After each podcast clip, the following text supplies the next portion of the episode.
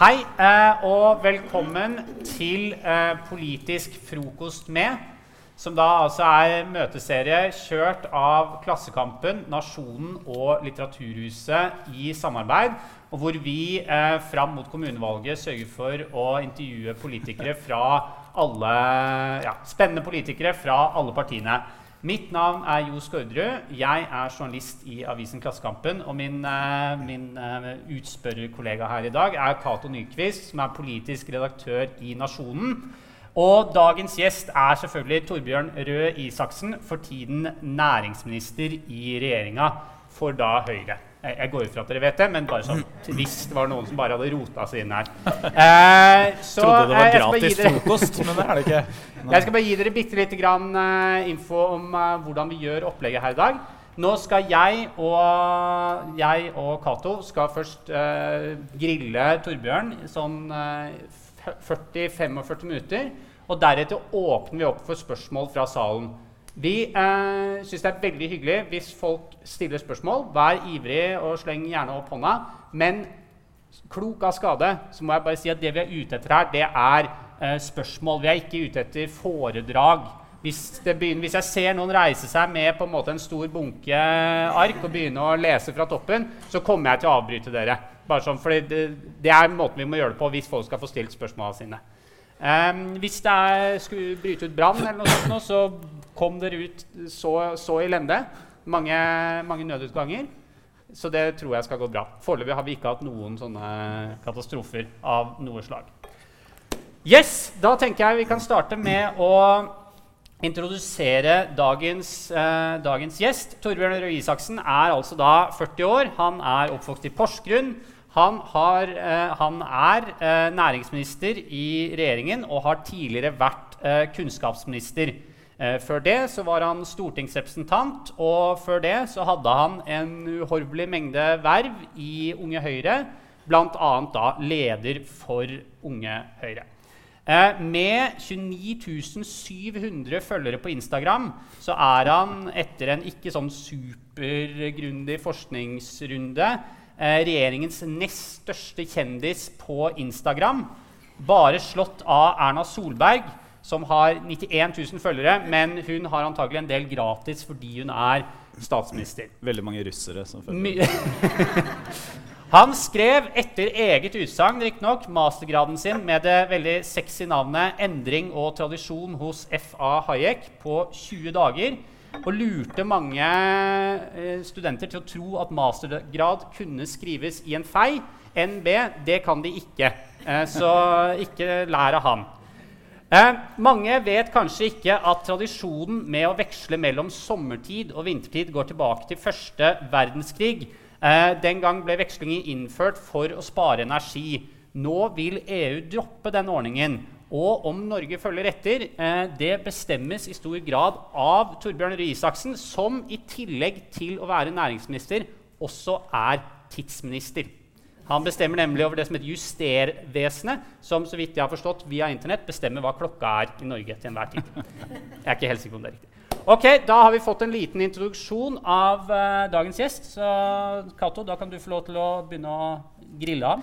Ja, ikke overraskende. Ettersom vi da har næringsministeren her, så eh, hadde vi tenkt å stille noen spørsmål om eh, næringspolitikk. Det må jo passe bra. jeg tenkte vi skulle starte med litt sånn høytopplesning, egentlig. Det var et Facebook-innlegg som du la ut. Jeg tror det var rett i kjølvannet av det her, saken om, om Eh, eh, gruvedeponi i Repparfjorden. Eh, hvor det kom voldsomme reaksjoner mot at, eh, mot at eh, man fikk konsesjon til å drive gruvevirksomhet med da, deponi i fjorden. Og I det Facebook-innlegget så stiller du spørsmålet hva skal vi leve av? Når jeg ser angre angrepene på næring etter næring, er det på tide å spørre hva skal du faktisk leve av i dette landet? Ikke industri, det er så skittent og gammeldags. Ikke skog og trevirke, den må fredes. Ikke olje og gass, sier de, pga. klima. Selv om norsk gass er en del av løsningen for Europa, la dem heller kjøpe gass fra Russland. Ikke fornybar kraft, for vindmøller er stygge og ødelegger naturen. Og så følger det en lang rekke eksempler her om havbruk, om eh, veibygging, om trålere, reiseliv osv. Og så avslutter da Hva skal vi leve av? Offentlig forbruk, subsidier, drømmer, digitale landskap, lobbyisme, reality-TV? Hva skal vi leve av? Noen må faktisk bygge dette landet. Og som næringsminister da har du nok sikkert svaret. Hva skal vi leve av i dette landet? Vi starter litt sånn åpent. Vi skal, vi skal leve av alt, alt, det jeg nevner i det innlegget, og enda mer til.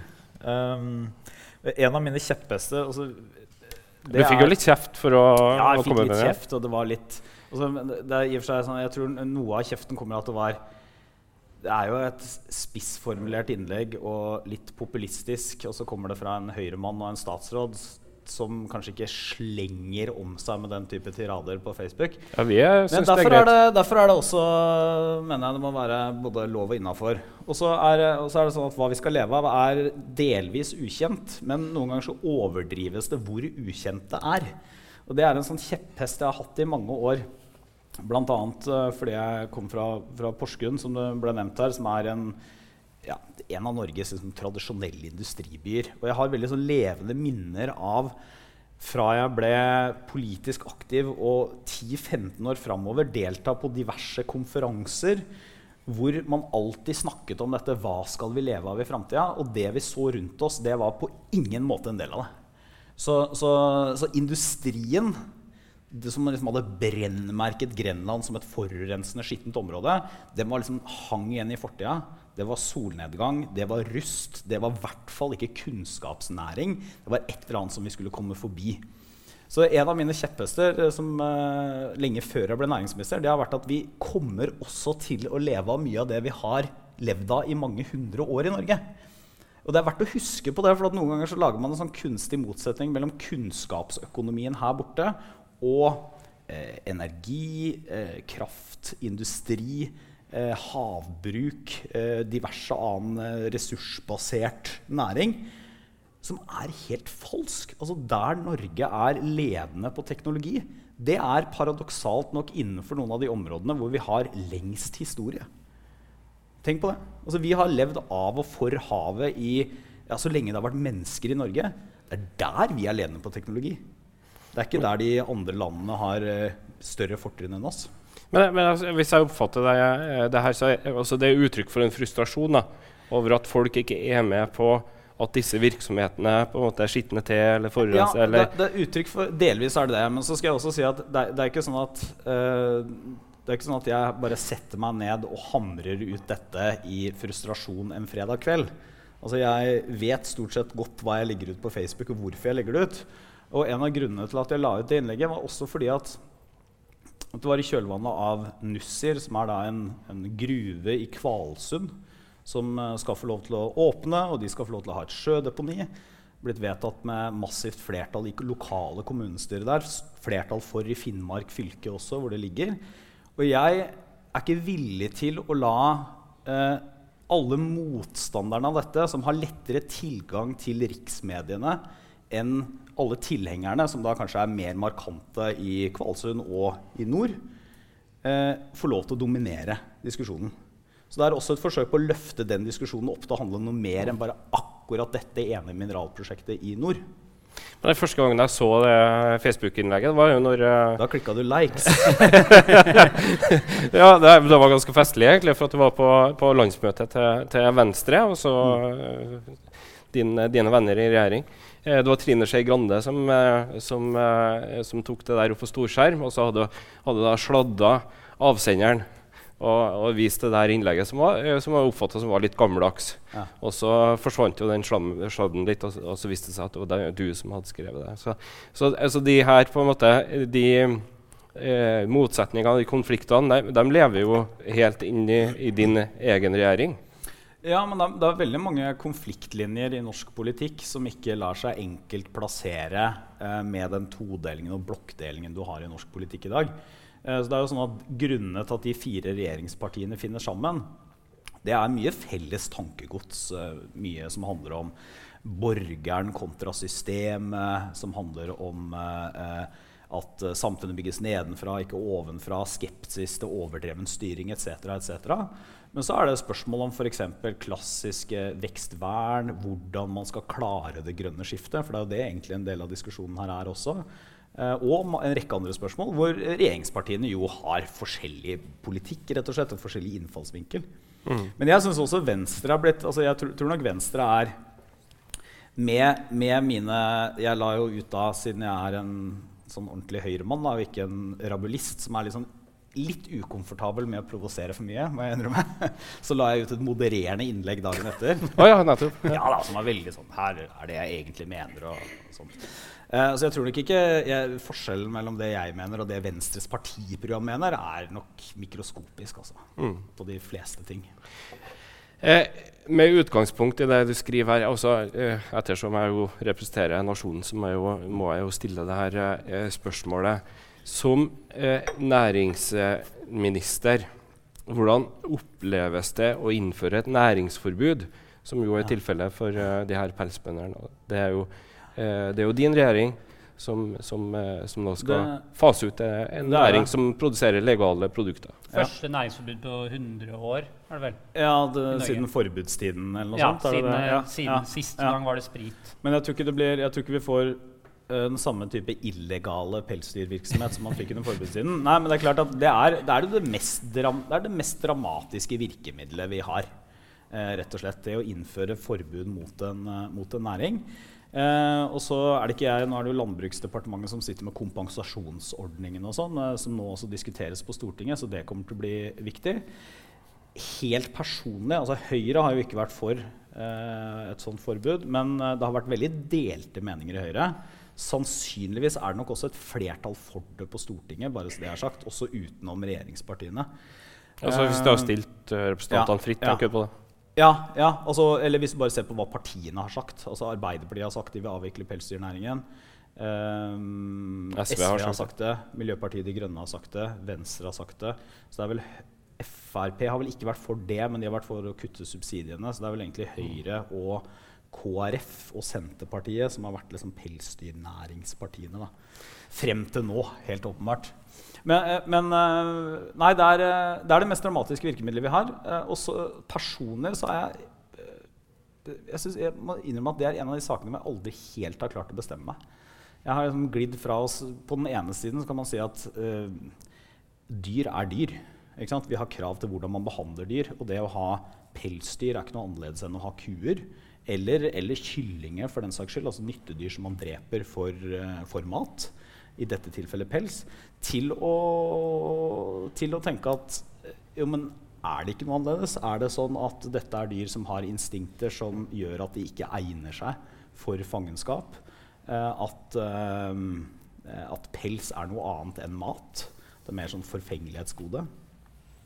Så jeg er litt usikker, men nå mm. står jeg jo selvfølgelig på regjeringas plattform da, og forsvarer den. Ja. Med litt sånn tvendesinn, da, skjønner jeg. jo da, men det må så. jo være lov. Så tidlig på morgenen. men i alle fall, da kunne vi krysse av at pelsdyrnæring skal vi ikke leve av. i hvert fall. Eh, Nei, det, det, er riktig. men jeg, jeg, tenker, ettersom vi nå er i Trøndelag, og i disse dager så er det jo, er det jo eh, voldsomme aksjoner, reaksjoner mot det som foregår på kysten, altså det her med bygging av vindmøller. Eh, gjør det inntrykk på deg når du ser den massive motstanden ute på Frøya? Og du har også ja. noen aksjoner oppe i, Flatanger nå. A a absolutt. Også fordi at jeg, jeg, kjenner det igjen veldig godt hjemmefra. Hvor det er tilsvarende sånn folkelig engasjement mot et deponi i Brevik. Eh, som er en sak som kanskje ikke sånn resten av landet nødvendigvis har fått med seg, men som er den største politiske saken der jeg kommer fra. Og som mobiliserer på samme måte. Uh, og jeg, jeg, skjønner det, for det er, som, det, er ingen som har lyst til å ha noe som er stygt, uh, uønsket, i sin egen bakgård. Uh, og vindmøller har åpenbart også en pris. Samtidig, så, som jeg også var inne på i det Facebook-innlegget, så, så, er det også sånn at vi, vi, vi, er inne nå i et par kritiske tiår. hvis vi skal klare en omlegging til det som i praksis er et karbonnøytral økonomi i 2050. Altså hvor vi skal kutte utslippene våre med 90-95% eller noe sånt sammenlignet med 1990-nivå. Og målet vårt er, en, er jo en, en, en økonomi som, som, egentlig i praksis er nullutslipp. Så, må vi, så har vi, vi har ikke så mye tid å miste. Altså vi, vi, er nødt til å f.eks. bygge ut, bygge ut uh, mer alternativ energi. Uh, det betyr at vi er nødt til å bygge ut flere vindmøller på land. Så burde man selvfølgelig forsøke å velge de områdene det er minst konflikt rundt.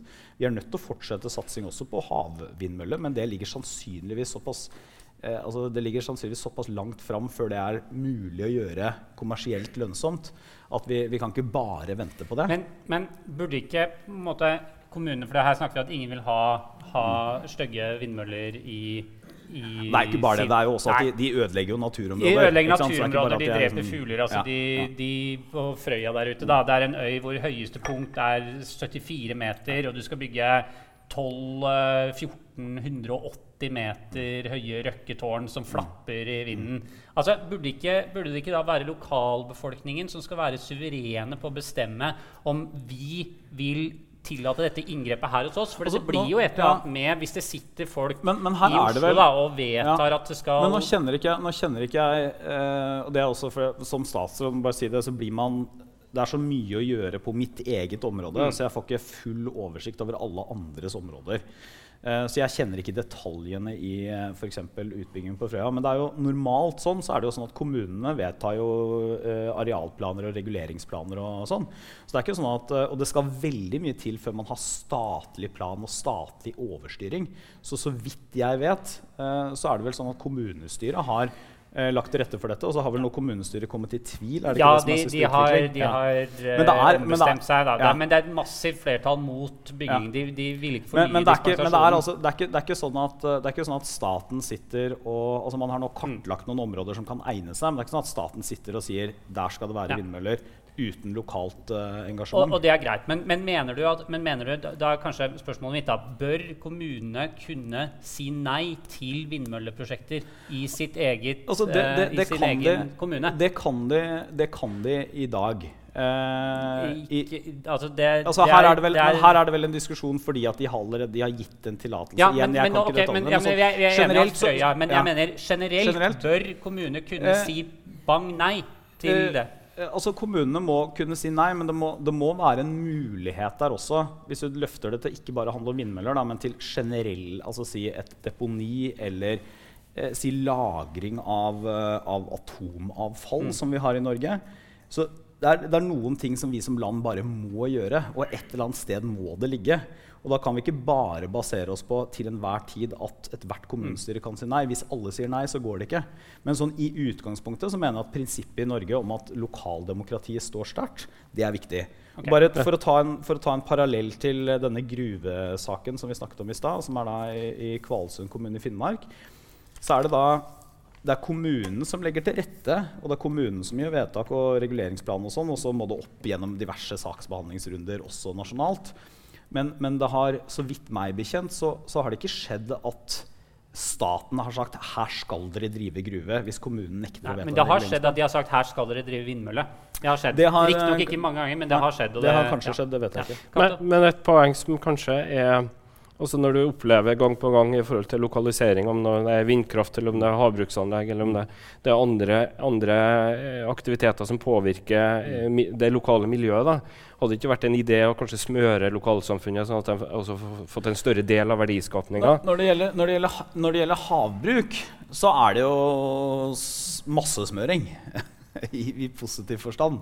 Altså lovlig smøring. Altså i den forstand at uh, kommunene som har havbruk, får jo også utdelinger fra, fra fondet som settes opp når nye konsesjoner selges. Ja, men, det, det, er jo ikke, altså, men, det er jo litt sånn tilfeldig fra år til år. Og, og ja, da, det er, det er fast. Det er ikke en egen ressursrenteskatt eller en egen beskatning av det som går til da, staten eller kommunen. Men det er klart man får jo noe av altså All økonomisk aktivitet i kommunen gir skatteinntekter til kommunen. Men på havbruk så er det jo fritt fram for kommunene til å si nei. Det er det flere kommuner som har gjort. Jeg mener at det er en dårlig idé, også for at jeg mener både for at havbruk er, er en vekstnæring som vi har mulighet til å Og det er jo virkelig en av de tingene som det er en av de få næringene vi har som faktisk kan matche matcher ikke helt mm. oljen. Det er ingenting som gjør det. Sånn i verdiskaping per hode og eksportverdi og sånn. Det går ikke an å finne en annen næring i Norge. Men det er en av de næringene som, som, som er i hvert fall i, i, i ligaen, mm. i eliteserien. Pluss at uh, hvis du ser det i et større globalt perspektiv hvis vi har en bærekraftig oppdrettsnæring som gjør at uh, folk i verden får mer av sine kalorier og proteiner fra fisk, så er det bra, for det er utslippene fra en kilo fisk, laks, selv oppdrettslaks, er uhorvelig mye bedre mm. enn en kilo oksekjøtt. Som jo er liksom verstingen i rødt mm. kjøtt-kategorien. Men, men, bare for å stille spørsmålet helt presist, altså bør en større del av de aktivitetene som vi snakker om her, havbruk, bør en større andel av verdiskapninga tilfalle de lokalsamfunnene som avgir sine kvaliteter Nå, for, til havbruk, vind osv., eller, eller gruve? Jeg må, Siden jeg er statsråd, så må jeg svare litt kjedelig på det. Og det er at Regjeringen, har, jo, regjeringen har jo satt ned et utvalg som skal vurdere dette. okay. eh, Ressursrenteskatt det er ikke ferdig behandlet og det er ikke ja. ferdig med arbeidet. På Høyres landsmøte så stemte jeg mot forslaget om at man skulle innføre en type ressursrentebeskatning. Hvor, ja, hvorfor det? Mm. Fordi jeg, jeg, mener at argumentet og, om at det vil eh, være en unødvendig eh, og for ekstra byrde på en næring mm. som vokser, og for øvrig også må investere tungt mm. i årene som kommer, er så godt at vi burde ikke gjøre det. Mm. Det betyr ikke at det er utelukket for enhver fremtid, men, men nå er det ikke en god idé.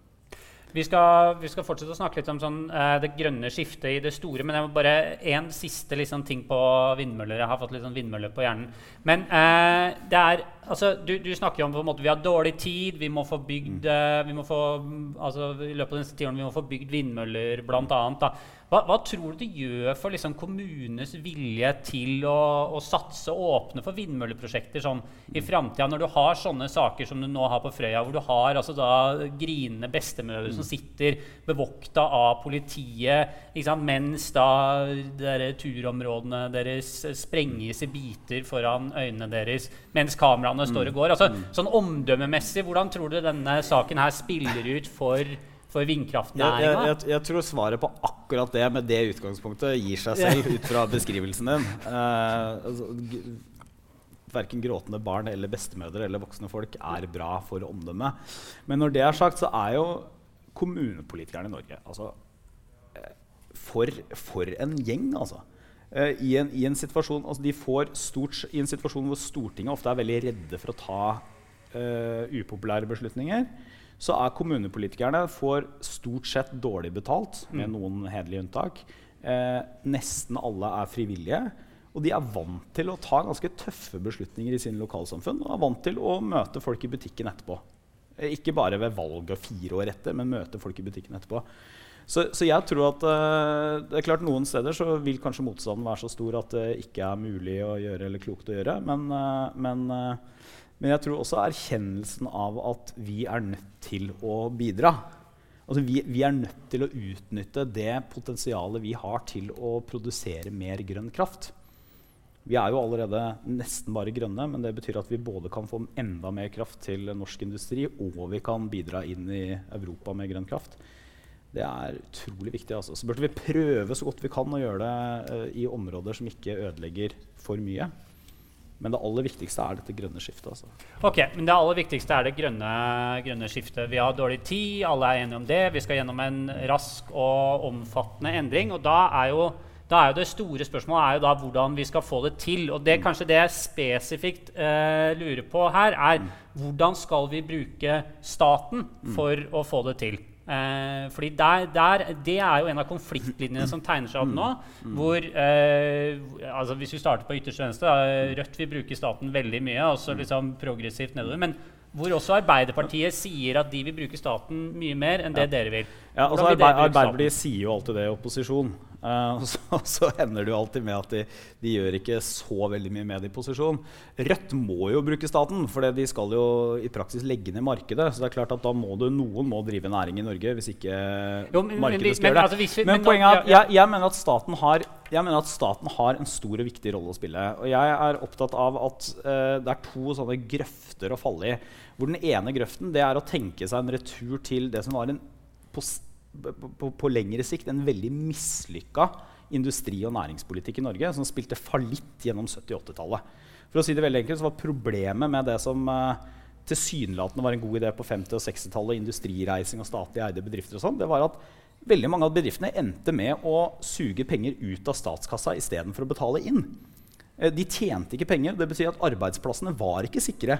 Og omstillingen for de lokalsamfunnene som til slutt mista hjørnesteinsbedriftene sine, som var statlige, ble desto større fordi man hadde latt det skure gå for lenge. Det er den ene grøfta. Den andre grøfta det er en sånn veldig teoretisk næringsnøytral politikk.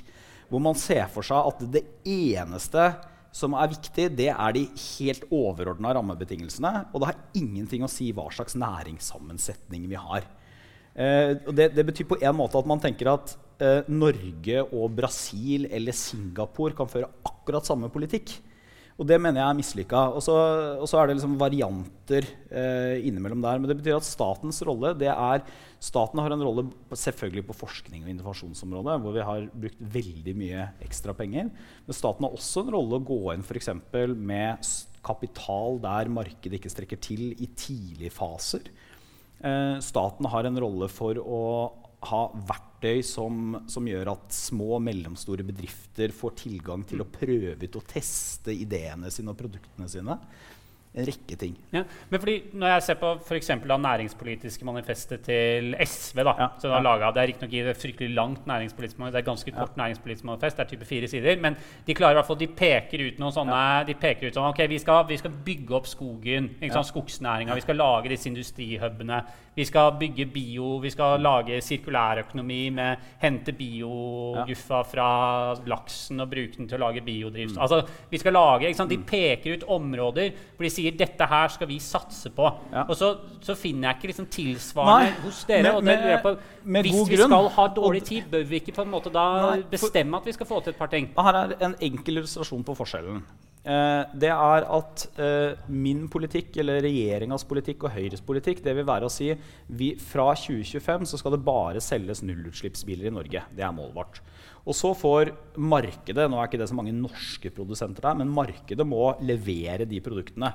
Eh, hvordan de gjør det, hvilken teknologi som brukes, hvilke aktører som gjør det, det er opp til dette store kreative markedet. Det SV vil si, eller partier så langt til venstre vil si, det er vi skal satse på én teknologi. Eh, og det er den teknologien vi skal bygge opp.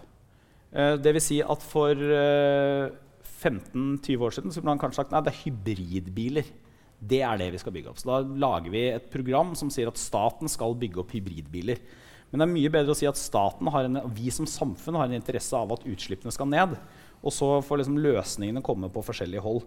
Så problemet mitt med SVs uh, næringspolitikk konkret, det er at de går jo altfor langt ned i materie. De går altfor langt inn og skal plukke vinnere. De er liksom på helt mm. detaljnivå. Og hvis du ikke passer inn, da det betyr at da, da suger du opp alle de statlige pengene og så putter du det inn i én løsning. Men hvis det viser seg at det var tre andre løsninger som egentlig var bedre, så har du bare ja, kvelt dem okay, men, skjønner, men, du, men her er det også på en måte gitt at vi har veldig dårlig tid. Da, så kan man jo se for seg at det kan være bedre å satse, altså, satse ordentlig på noe, prøve å få til noen ting, heller enn å på en måte liksom spre litt sånn penger ja, utover en slags sånn der, uh, brødskive og så håpe at noe av det løser seg. For det tar, jo, har, det tar jo fryktelig lang tid hvis alt, alt skal liksom modne og gro. Jo, men det er, det er, Jeg er ikke enig i det. Og det er to grunner til det. For det første så er det sånn at vi trenger både liksom, de radikale, disruptive nye teknologiene men vi trenger også de gradvise forbedringene.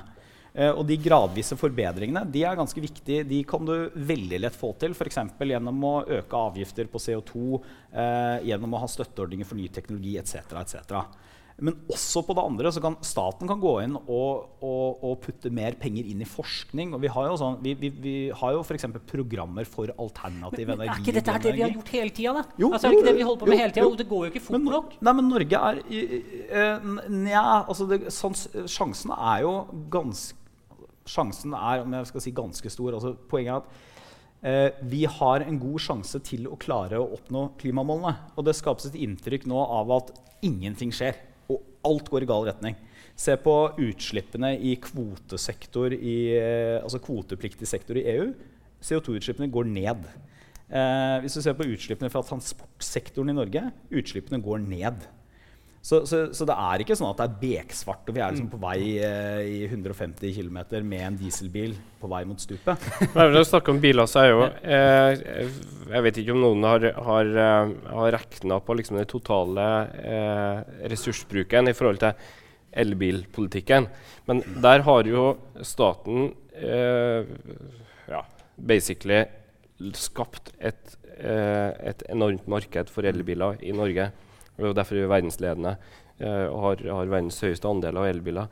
Eh, milliardene har jo bare fløyet ut i form av avgiftsletter osv. osv. Eh, det, og det er jo en massiv satsing som viser resultater. Det altså, går ikke an å bruke altså, Hvorfor bruker man ikke like mye ressurser på å liksom, utvikle nye næringer som vi vet at vi har behov for?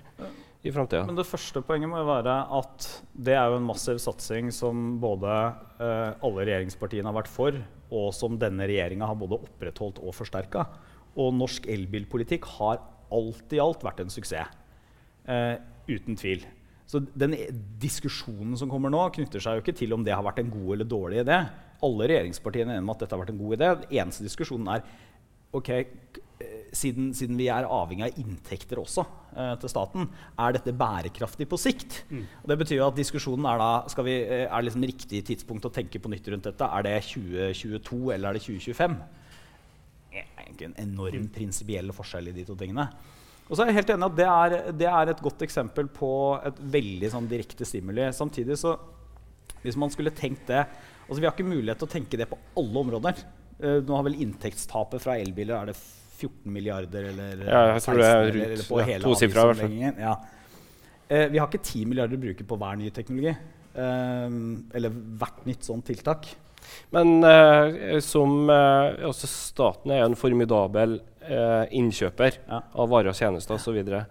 Eh, hvorfor er dere ikke mer aktive å skape markeder for eh, la oss si, grønne økologiske ja. løsninger når dere skal kjøpe inn Det, det virker som at det er et helt sånt flatt anbudsregime, ja. hvor, hvor, pris eh, for, eh, er, den, er, den, viktigste faktoren. Det, det skal vi bli.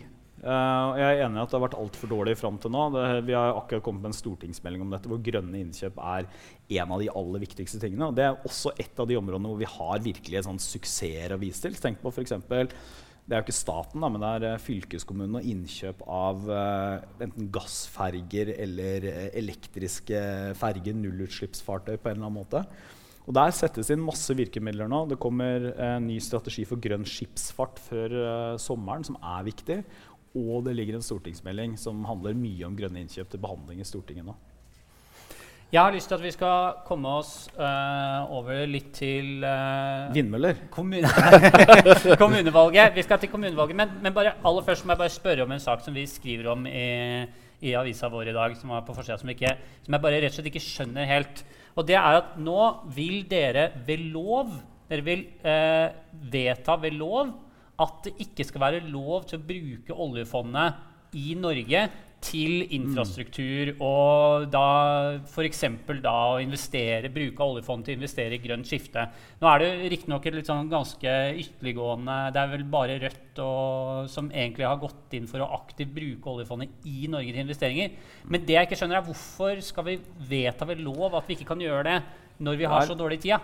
Det er, bare, det er, jo bare å uh, gjøre det til en regel, det vi allerede gjør. Det, det vet jeg, uh, og bare, Stortinget kan ja. når som helst endre loven, så det er ikke noe udemokratisk med det. Det andre er at det, igjen, det, ikke, det skapes et inntrykk av at vi ikke bruker oljepenger på grønt skifte og forskning eller i Norge. Det gjør vi. Masse oljepenger! Ja, ja. som alle som så, så, avisen etter revidert statsbudsjett. Vi bruker masse oljepenger, og vi bruker det nettopp i stor grad på f.eks. For forskning. Mm. For å drive fram innovasjon og nye grønne løsninger. Ok. Ja. Da eh, skal vi skifte et lite sceneskifte. Eh, det, vi går jo mot et, et lokalvalg eh, i september. Eh, jeg tenker at Vi begynner litt eh, rundt også, også på det. Hva, hva, hva, er Høyres strategi for å vinne kommunevalget? Ja, kommune- og fylkestingsvalget heter det formelt. Vår viktigste strategi ved hvert eneste lokalvalg det er at det er et lokalvalg. Så Det er det, det, er det aller mest avgjørende. Og Det betyr at uh, Eh, selvfølgelig blir det en diskusjon om regjeringa om man kommer til å se på om dette har noen konsekvenser for stortingsvalg. og sånn. Men det aller viktigste det er lokale saker, lokale kandidater. Hva skjer i din kommune? Det er selvfølgelig også ja. fordi at vi har ja. Fordi det som skjer rundt om i kommunene nå, da, eh, i hvert fall ifølge Tone Sofie Aglen, kommentator i VG, mm. hun skriver jo pent at liksom, å protestere mot sentralisering er tidens melodi. Mm. Det er mye av det som skjer i kommunene nå. Det er at folk er forbanna, eller mange da, er eh, forbanna for ulike former for opplevd sentralisering. Altså Vi kan snakke politireform, vi snakker sykehusnedleggelse, vi snakker postmannen som bare kommer annenhver dag. Altså, eh, ja, å protestere mot sentralisering er tidenes melodi. Hvordan, mm. eh, hvordan er den tonen for dere? hvis man skal... Nei, den er, altså For det første så er jeg eh, enig med det. Selv om, eh, selv om, det er jo også sånn at det er noen nyanser her. Jeg var i Florø, f.eks. De er uh, sure på sentraliseringa. Men de er sure på at alt sentraliseres til Førde. Mm. Det er ikke at det sentraliseres til Oslo eller, eller, Bergen, men det sentraliseres til Førde. Men eh, nei, det er, det, er, det er, riktig at det, der er det en rekke lokale saker som nå har fått en slags sånn over, overbygging, som er sentralisering. Jeg tror det viktige for Høyre da, det er å altså Delvis så må vi eh, gå inn i diskusjonen, og noen ganger så er det sånn at F.eks. for En ting jeg mener vi, må, som vi har erkjent også, det er at summen av de forskjellige prosessene for noen mm. enkeltkommuner kan ha gjort at uh, noen har liksom, tapt uh, veldig mye, mens uh, de ikke har fått noen av fruktene. Førde og Florø kan kanskje være et eksempel på det. men det andre er at jeg mener, jeg mener, det er utrolig viktig for oss at vi ikke vi, vi, kan ikke vi kan ikke diskutere dette på Senterpartiets premisser. Altså, vi kan ikke diskutere dette med utgangspunkt i at hvis du trykker på en pauseknapp eller stoppknapp, så kommer eh, landet til å forbli som det er. Eh, jeg synes Postombæring er et godt eksempel. Alle vil selvfølgelig helst ha postombæring fem dager i uka og få lokalavisa si hver eneste dag. Men å bruke en milliard kroner på det, det er vel til og med mer vi sannsynligvis må bruke, er det spørsmål er det de 500 millionene ekstra er det det vi ønsker å mm. bruke det på, eller skal vi bruke det på noe annet? Ja. Når man diskuterer tjenester, f.eks., så mener jeg at det er ja, jeg er glødende tilhenger av å flytte arbeidsplasser ut av Oslo. Mener at det er smart politikk. Fornuftig på alle måter. Men jeg mener at det er helt feil som utgangspunkt å tenke at vi skal opprettholde arbeidsplasser i byråkratiet selv om behovet blir borte. Eh, og det gjør at du får endringer. Jeg mener at Det er helt avgjørende for å få likeverdige tjenester over hele landet at du faktisk også reformer, reformerer offentlig sektor. Jeg mener at Hvis du skal snu den store flyttestrømmen i Norge, som ikke dreier seg om at folk flytter fra mindre kommuner og inn til et regionalt tettsted, men dreier seg om at folk flytter for fra nord til sør, så er du nødt til å bygge opp sterke regionsentra over hele landet. Og der er, der er jeg uenig med Senterpartiet. rett og slett. Jeg mener at Senterpartiet har en politikk som på sikt gjør Distrikts-Norge svakere enn de ville stått i utgangspunktet. Men uh, snakket de også om, uh, om si, reelle, reelle, endringer som går i, i distriktets disfavør? Uh, Dagbladet skrev i går om, om det de kaller for nye sjokktall i politiet. Eh, og, og, beskrev en situasjon hvor distriktene nærmest ble drenert for politifolk, mens, eh, mens antallet årsverk i politiet i de store byene og de store kommunene nærmest hadde eksplodert. Og, og det, er jo, også, det, er jo, på en måte ting som man eh, til alt overmål så kalte dere reformen for nærpolitireformen. og det, også det er jo mange som reagerer. De ser at lensmannskontoret forsvinner. De ser at politiet eh, bruker lengre tid på å komme hvis det, mm. hvis det, hvis det skjer alvorlige ting. Så, så så det er, ikke, det er jo ikke, bare spørsmål om uh, hvorvidt man skal sette ting på pause eller ikke, men at mm. en, det er en, en reell mm. opplevelse av at ting forsvinner rundt deg. Mm. Eh, men, men, jeg er altså nå er Politireformen er, Det er helt åpenbart at det har vært noe Kaller du den ikke nærpolitireformen? Eh, jo, jeg kan godt si nærpolitireformen. Jeg hadde ikke med meg flaket fra statsministerens kontor her. Men eh, nærpolitireformen er jo nå liksom under gjennomføring. Uh, og det er åpenbart at uh, deler av den også har, har for følt, altså Det har betydd at en del lensmannskontorer sånn har blitt borte. Men, men er, husk på utgangspunktet for det. Utgangspunktet, Én ting er 22.07. Dette jo, ble foreslått som en direkte konsekvens av 22.07. Men ta noe annet. Ta f.eks. Eh, eh, det som er blitt avdekket nå om systematiske overgrep mot barn på nett.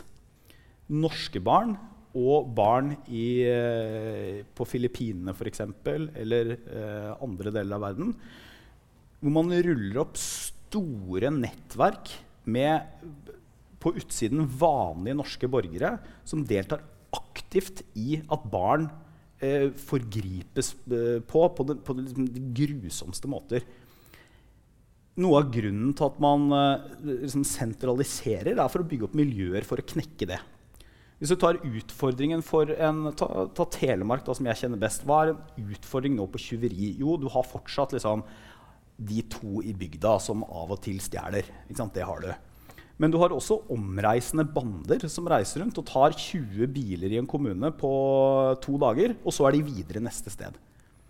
Eh, så vi ser jo en helt annen type kriminalitetsutfordring. Og det er ikke sånn at hvis du, er, hvis du bor på Snåsa eh, og ikke i Oslo, så er du mindre utsatt for identitetstyveri f.eks.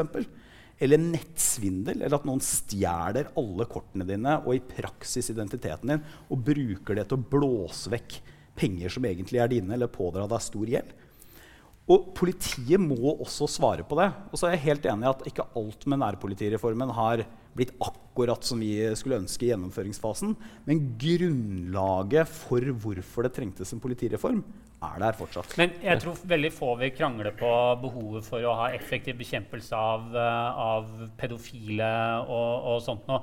Jeg skal i hvert fall ikke gjøre det. Men, mm. men, det er vel også noe forebyggende effekter ved å ha politifolk som kjenner lokalsamfunnet, som kjenner folk, som kjenner nav, om ikke navn, så i hvert fall kjenner ansiktene mm. på ungdommene i sin kommune. Altså sånn, altså, det har jo en verdi ja. å ha synlig politi.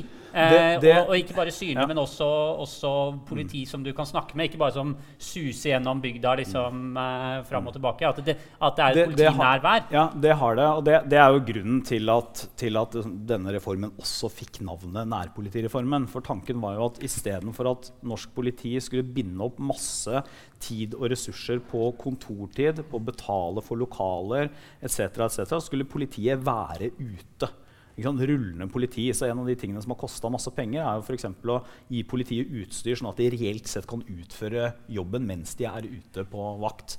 Så mitt, mitt poeng er ikke, at, uh, er ikke, å si at alt ved gjennomføringa av nærpolitireformen har vært Ser du, nå sier jeg nærpolitireformen. Ja, har vært uh, eh, 100% vellykka.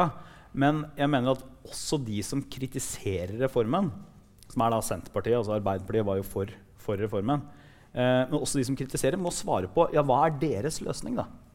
Ja, jeg skjønner at de er for at ingen lensmannskontorer skal legges ned. Det er helt greit. Men hva er deres løsning da for å klare å samle ressurser og ta grenseoverskridende kriminalitet, identitetstyveri, misbruk av barn, som, som umulig et lensmannskontor kan klare alene? Uh, jeg vil gå snurre litt tilbake i tid. Også du uh, beskrev det som et, summen av, av ulike reformer Eh, kan gjøre at, eh, at eh, enkelte steder rammes urimelig hardt. Og, og, vi kan jo da nevne eh, Vi har jo bunadsgeriljaen. Mm. Eh, vi har, eh, vi har her i, i nærområdet Nord universitet, som foreslår å legge ned studiesteder. og og vi har, uh, vi har, forslag ved Statens vegvesen altså at du nærmest må, må, må ta fly og, og, overnatte på hotell for å, for å, kunne kjøre opp ta lappen, særlig på motorsykkel. Og, og det altså, eh, eh, eh si, Fellesnevneren her det er jo endringer, sentralisering, som, som skjer utafor politikkens kontroll. på en måte. Mm. Det, altså, det er jo outsourca ut til de ulike statlige virksomhetene som, mm. som har en, uh, har en uh, effektivitetsreform de må svare på. Mm. Og, og, altså, er dette en utvikling som, som, uh, som burde ha vært sett? Mm. under ett og under større politisk kontroll. De har et annet fellestrekk også, de uh, sakene du nevner. og det er at De foreløpig er på diskusjonsstadiet og at det ikke er tatt noen endelige beslutninger på det. Så Nord universitet for eksempel, så er det da rektor sitt forslag som styret skal diskutere. Det er vel i, i disse dager, tror jeg. Eh, I juni, tror jeg. det skal. Ja, i juni er det. Eh, ikke tatt noen beslutning. På Kristiansund eh, så snudde jo styret også, bare så det er sagt. Men ja, det er sånn at, uh, at, vi har jo organisert oss sånn i Norge at flere og flere områder så har vi uavhengige deler av det offentlige. For å si det sånn. Vi har styrer i universitetene som uh, skal bestemme mest, ikke politikerne. Vi har styret i Innovasjon Norge som skal bestemme, sånn at ikke politikerne går inn og har detaljføringer. Og det er mye fornuftig med det, fordi at, eh, det sikrer bl.a. at selv om jeg møter en eh, rik investor som har lyst på penger fra Innovasjon Norge, så er det ikke jeg som sitter og bestemmer om han skal få det eller ikke. Det er en uavhengig organisasjon. Men på noen områder har det også vært riktig å ta tilbake mer politisk kontroll. Og på sykehusene er det et eksempel på det. Nå har de regionale helseforetakene overlevd. Men uh, den nasjonale sykehusplanen som har kommet, er jo et, nettopp et forsøk på eller ikke bare et forsøk på, det er et eksempel på at man ønsker å ta tilbake noe av den overordna nasjonale politiske kontrollen mm. over sykehusstruktur. Altså Man har oppdaga at man hadde outsourca for mye. da. Eh. Ja, ja, altså rett og slett at det ble, det ble eh, at, at, selv om du har styrer i de regionale helseforetakene, og det begrenser helseministerens mulighet til å gå inn og legge detaljføringer, så må Stortinget kunne lage liksom, en overordnet eh, Ha noen overordnede meninger om sykehusstruktur i Norge. Ok, for det er Overordna meninger om sykehusstruktur det er én ting. Så lurer jeg på om Skal man ha noe overordna meninger om sånn utdanningsstruktur også? For det, nå har vi, vi, har sett på, Hvis vi ser på universitets- og høyskolereformen nå, da, nå oppleves det litt sånn fra, for en del av oss som sitter utenfra, at nå skal alle mulige slags eh, studiesteder som utdanner lærere og sykepleiere rundt omkring i kommunene, de skal legges ned, sånn at man kan få noen flere doktorgradsprogrammer i, i Bodø. Altså, du skal legge ned sykepleierutdanninga i Namsos og du skal legge ned, på, du skal legge ned Sandnessjøen og sånt nå, så du skal få doktorgrader i eh, i, uh, i Bodø. da.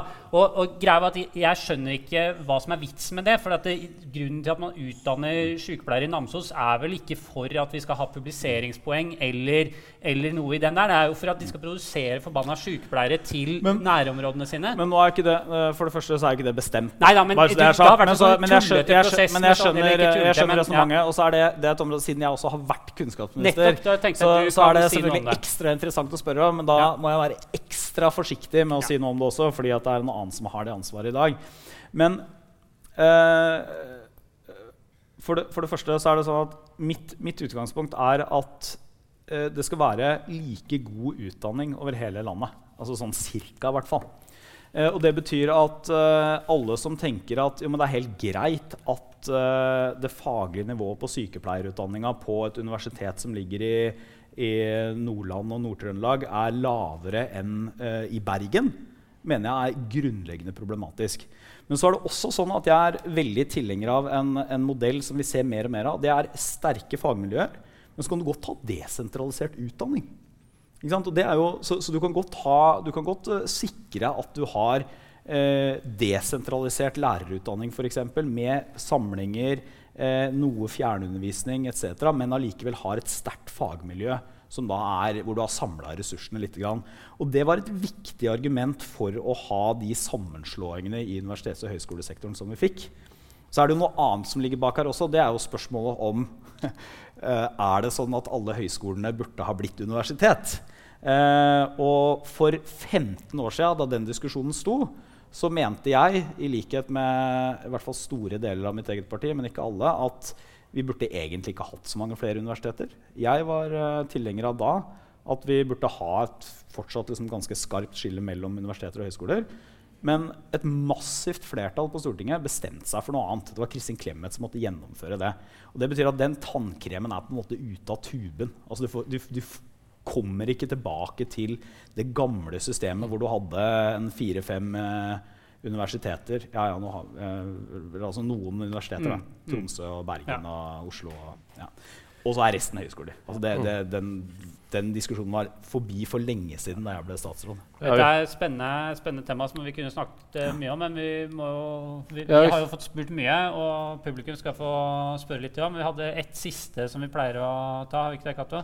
Ja, litt tilbake til er det sånn, sånn fast spørsmål? Ja, det, polit, det er politisk spill og ja. spillfakteri. holdt jeg på å si. Kan jeg bare si én utdanningsting?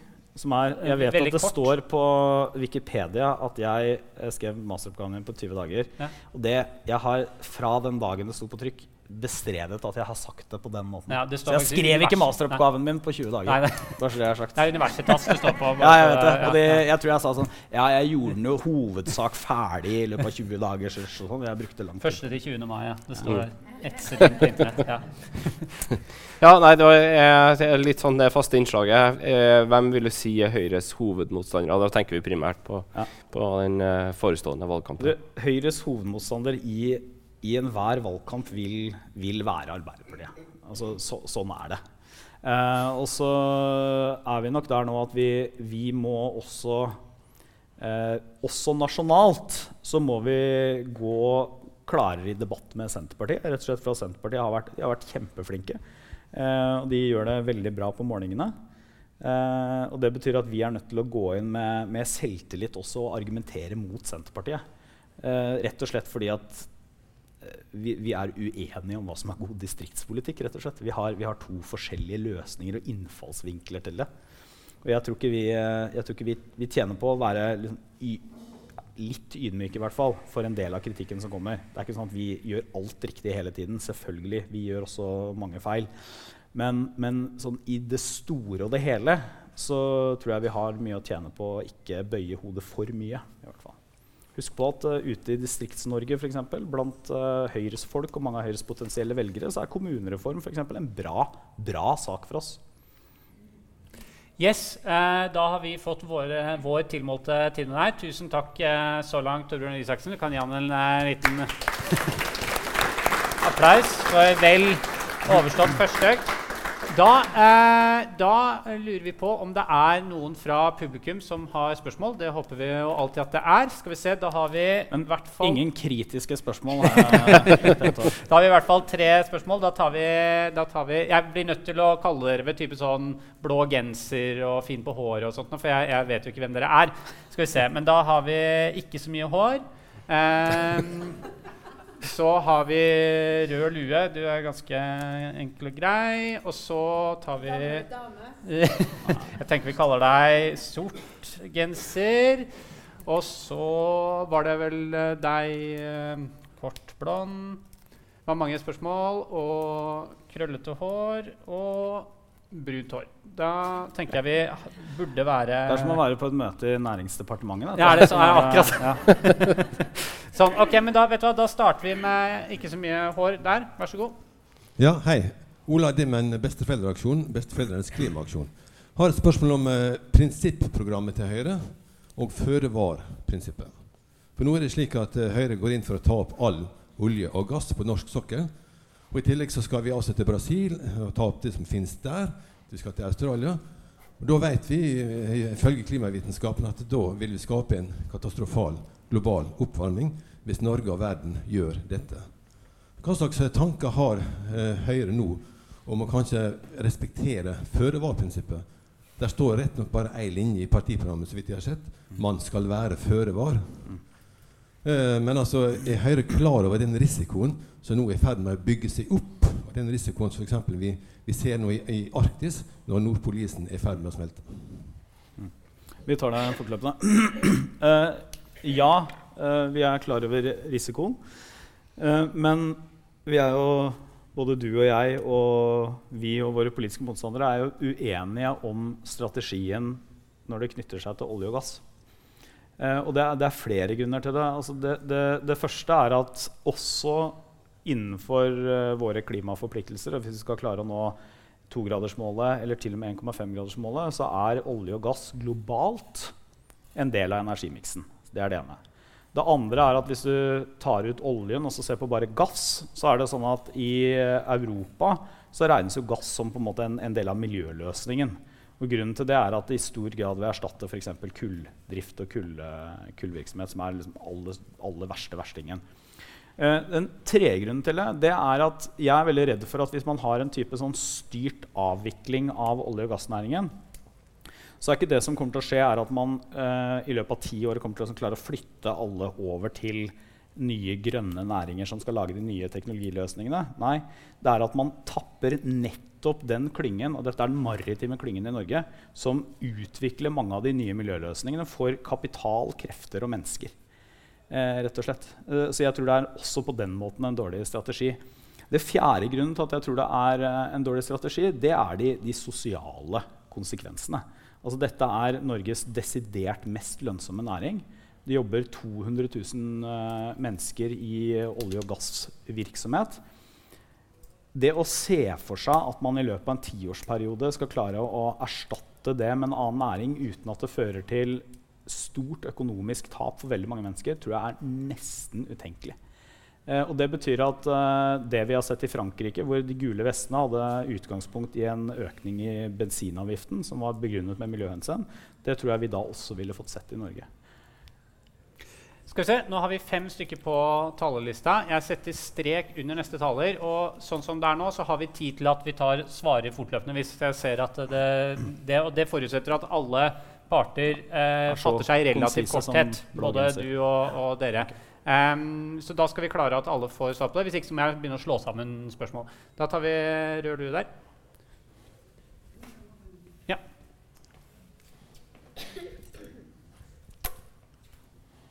Uh, hei, Elisabeth Finne heter jeg. Også fra Besteforeldrenes klimaaksjon. Det er det lua handler om. ja, ja.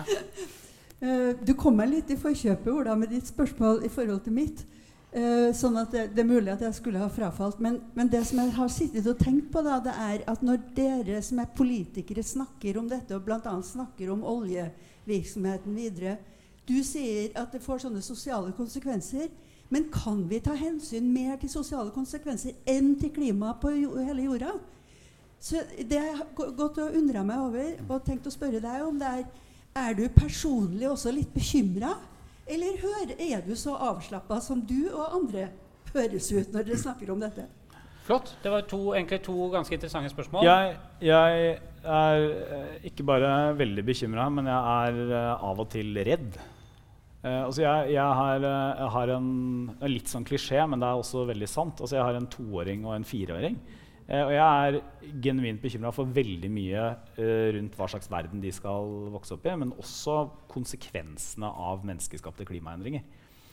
Eh, men så er, jo, så er jo, svaret på, på første spørsmålet ditt er jo at vi, altså jeg mener jo at begge deler er mulig. Det er jo det som er nøkkelen. Det er ingen som er uenig i at uh, på lengre sikt så skal liksom, hele verden og norsk økonomi omstilles til å Altså bort fra ikke-fornybare ressurser til fornybare ressurser på energimiksen.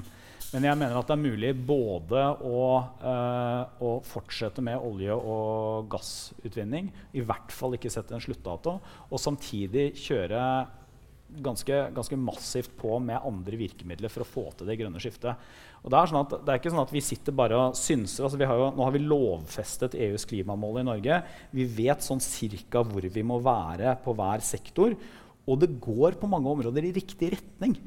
Det er litt viktig, for det er en del som sitter med inntrykk av at ingenting skjer. Det er bare prat. Men det er ikke riktig. altså.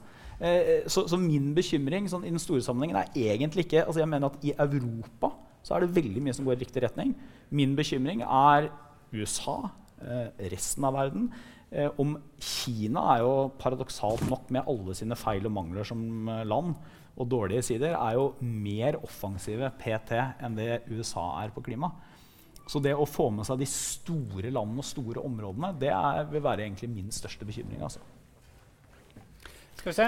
Da har vi sort genser her på første rad.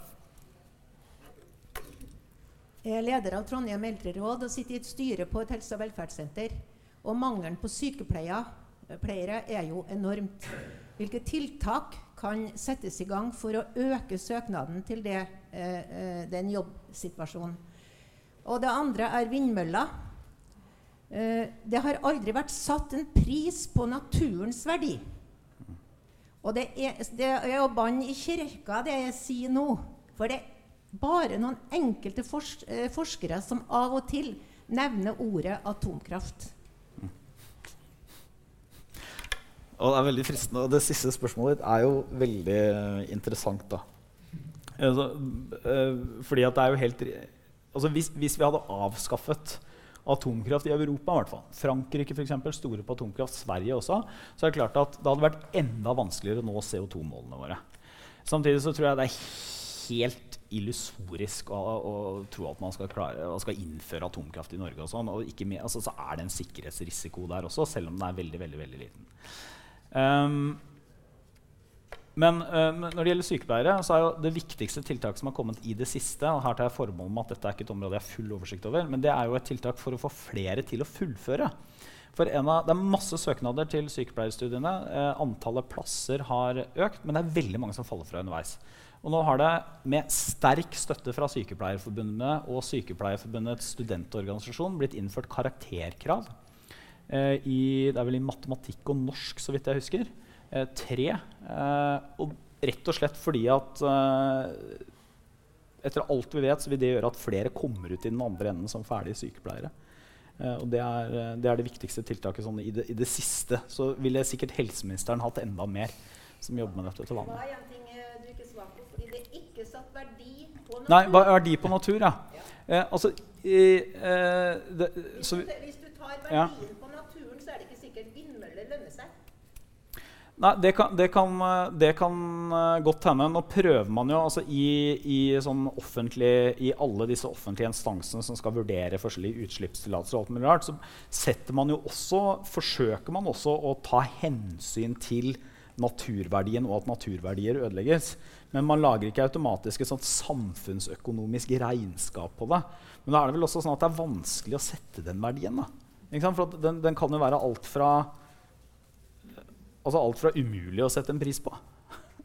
Rett og slett. At det, det er, hvordan skal man uh, sette pris på et turområde i, i, med penger? Liksom? Det er vanskelig. Så, men det tas med i alle betraktninger rundt uh, utslippstillatelser og reguleringsplaner. og sånn, Så skal det være med. Da har vi kort blondt hår helt i midten der. Klarer noen å gi ham en mikrofon?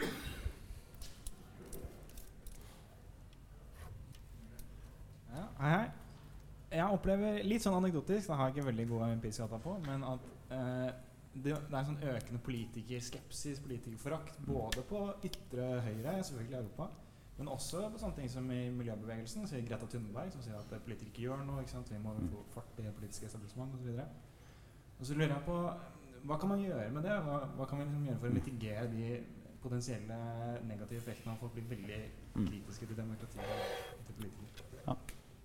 Det, det, første er jo at vi politikere kan slutte å drite oss ut. da, må jeg si. Altså, hvis, du ser på, du ser på norsk politikk siden 2017, så har det vært en, jo, men, siden etter 2017 så har det vært en sammenhengende serie av større eller mindre skandaler. Og jeg mener at det, det bygger bare opp under en sånn historie om at uh, norske politikere er livsfjerne, sitter i Oslo, mest opptatt av å håve til seg sjøl. Og hvis det, noe, hvis det er fest, så de, legger de ikke noe bånd på seg da. Eh, det er et eller annet med det. Men så, så er jeg altså bekymret for, for det en del av retorikken man ser, det er jo at utfordringene vi står overfor, er så store at vårt demokratiske system ikke kan håndtere det. Eh, og da utelukker man sånn de verste konspirasjonsteoriene på, på høyresida. Sånn at norske eller europeiske politikere er, vil ha masseinnvandring for å bytte ut befolkningen for å ha kontroll, eller noe sånt, som er bare konspirasjonsteorier. Men si at f.eks. miljøkatastrofen eller innvandring eller forfallet i Norge, som er typisk historie fra venstre og høyre, de kan ikke håndteres av demokratiet. Og det bygger jo på en forestilling om at systemet og demokratiet er her borte mens vi folk er her. Men hvis du ser på Norge, så er det er jo ikke sånn. Og da, ikke se da på storting og regjering. Altså, vi er, selv om norske regjeringa til enhver tid er den minst avsondrede regjeringa i, i, Europa, kanskje med unntak av Island og våre andre nordiske naboland, da, så er det jo sånn at hvem er politikken? Jo, det er, det er folk du møter i butikken. Det er de som stiller på kommunevalglista. De er, er, alle partier har lokallag over hele landet i, nest, i, alle kommuner. Nesten. Det er kort vei i Norge fra, eh, fra makt til folk.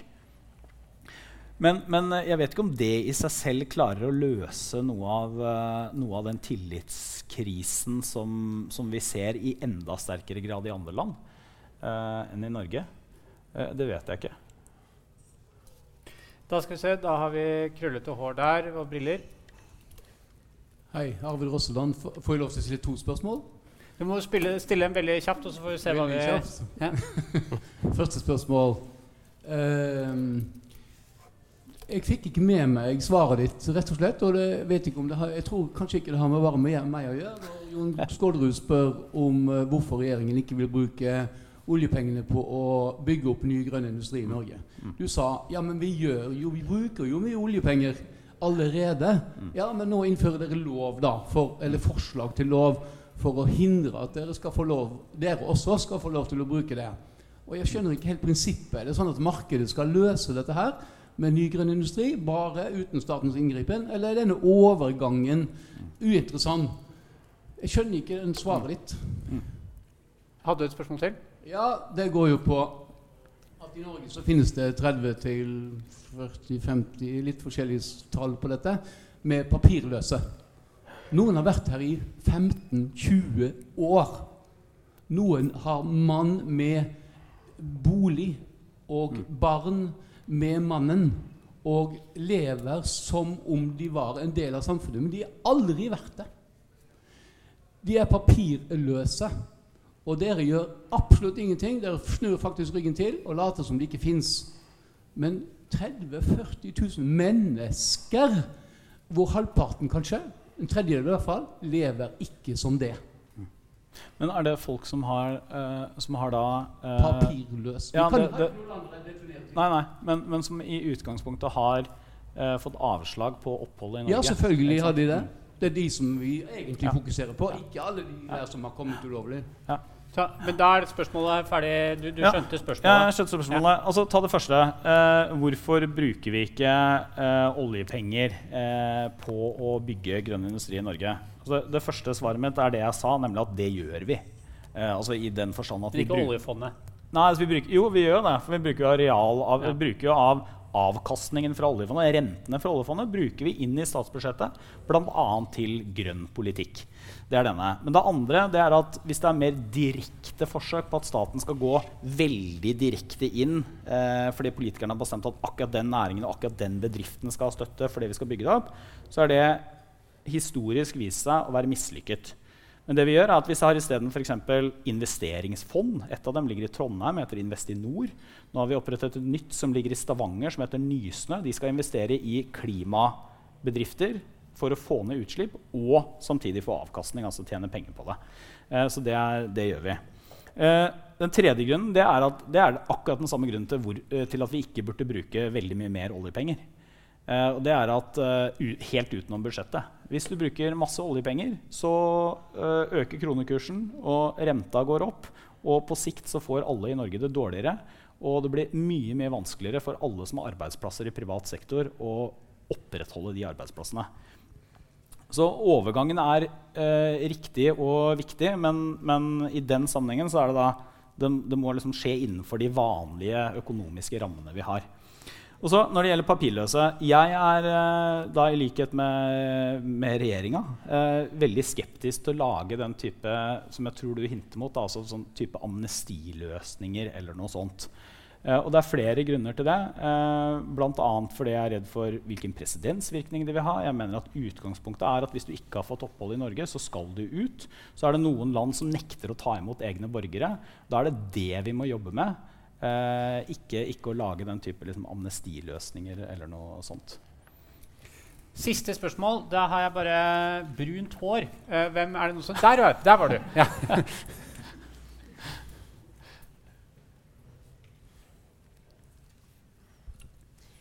Heter Rikke Sjøle. Jeg er student og ganske venstreorientert.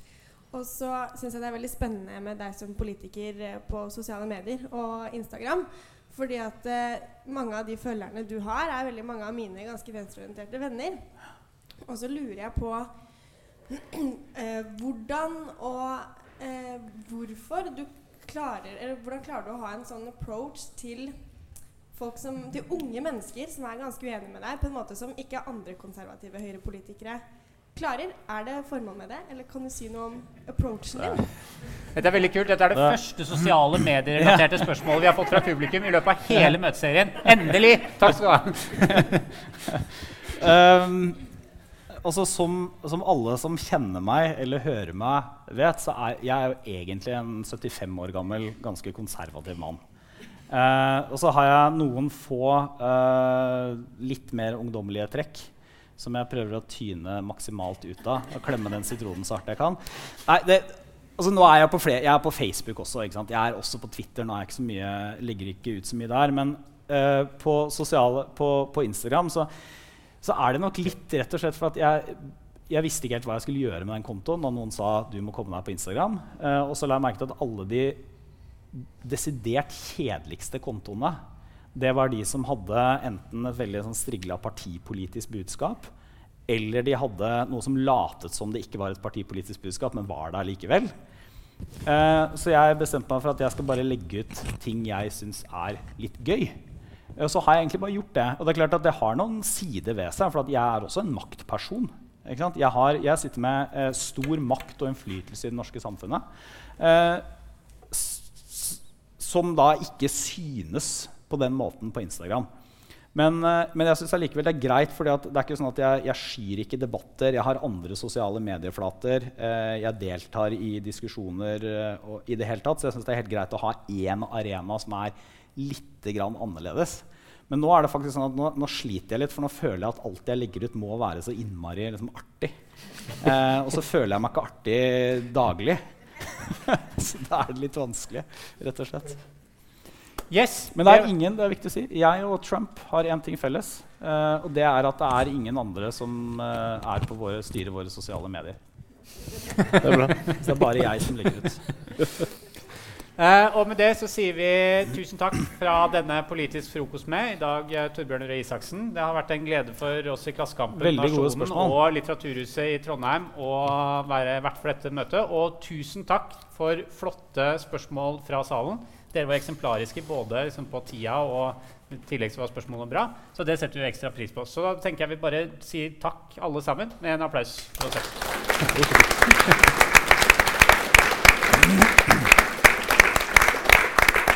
Så tror jeg Abid Raja dukker opp den uh, eh, 29. Stemmer ikke det? Abid Raja 28. eller 29. Følg med på Litteraturhuset uh, sine Facebook-sider.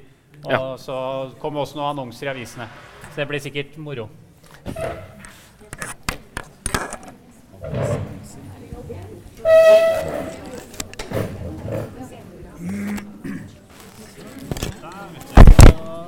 Ja,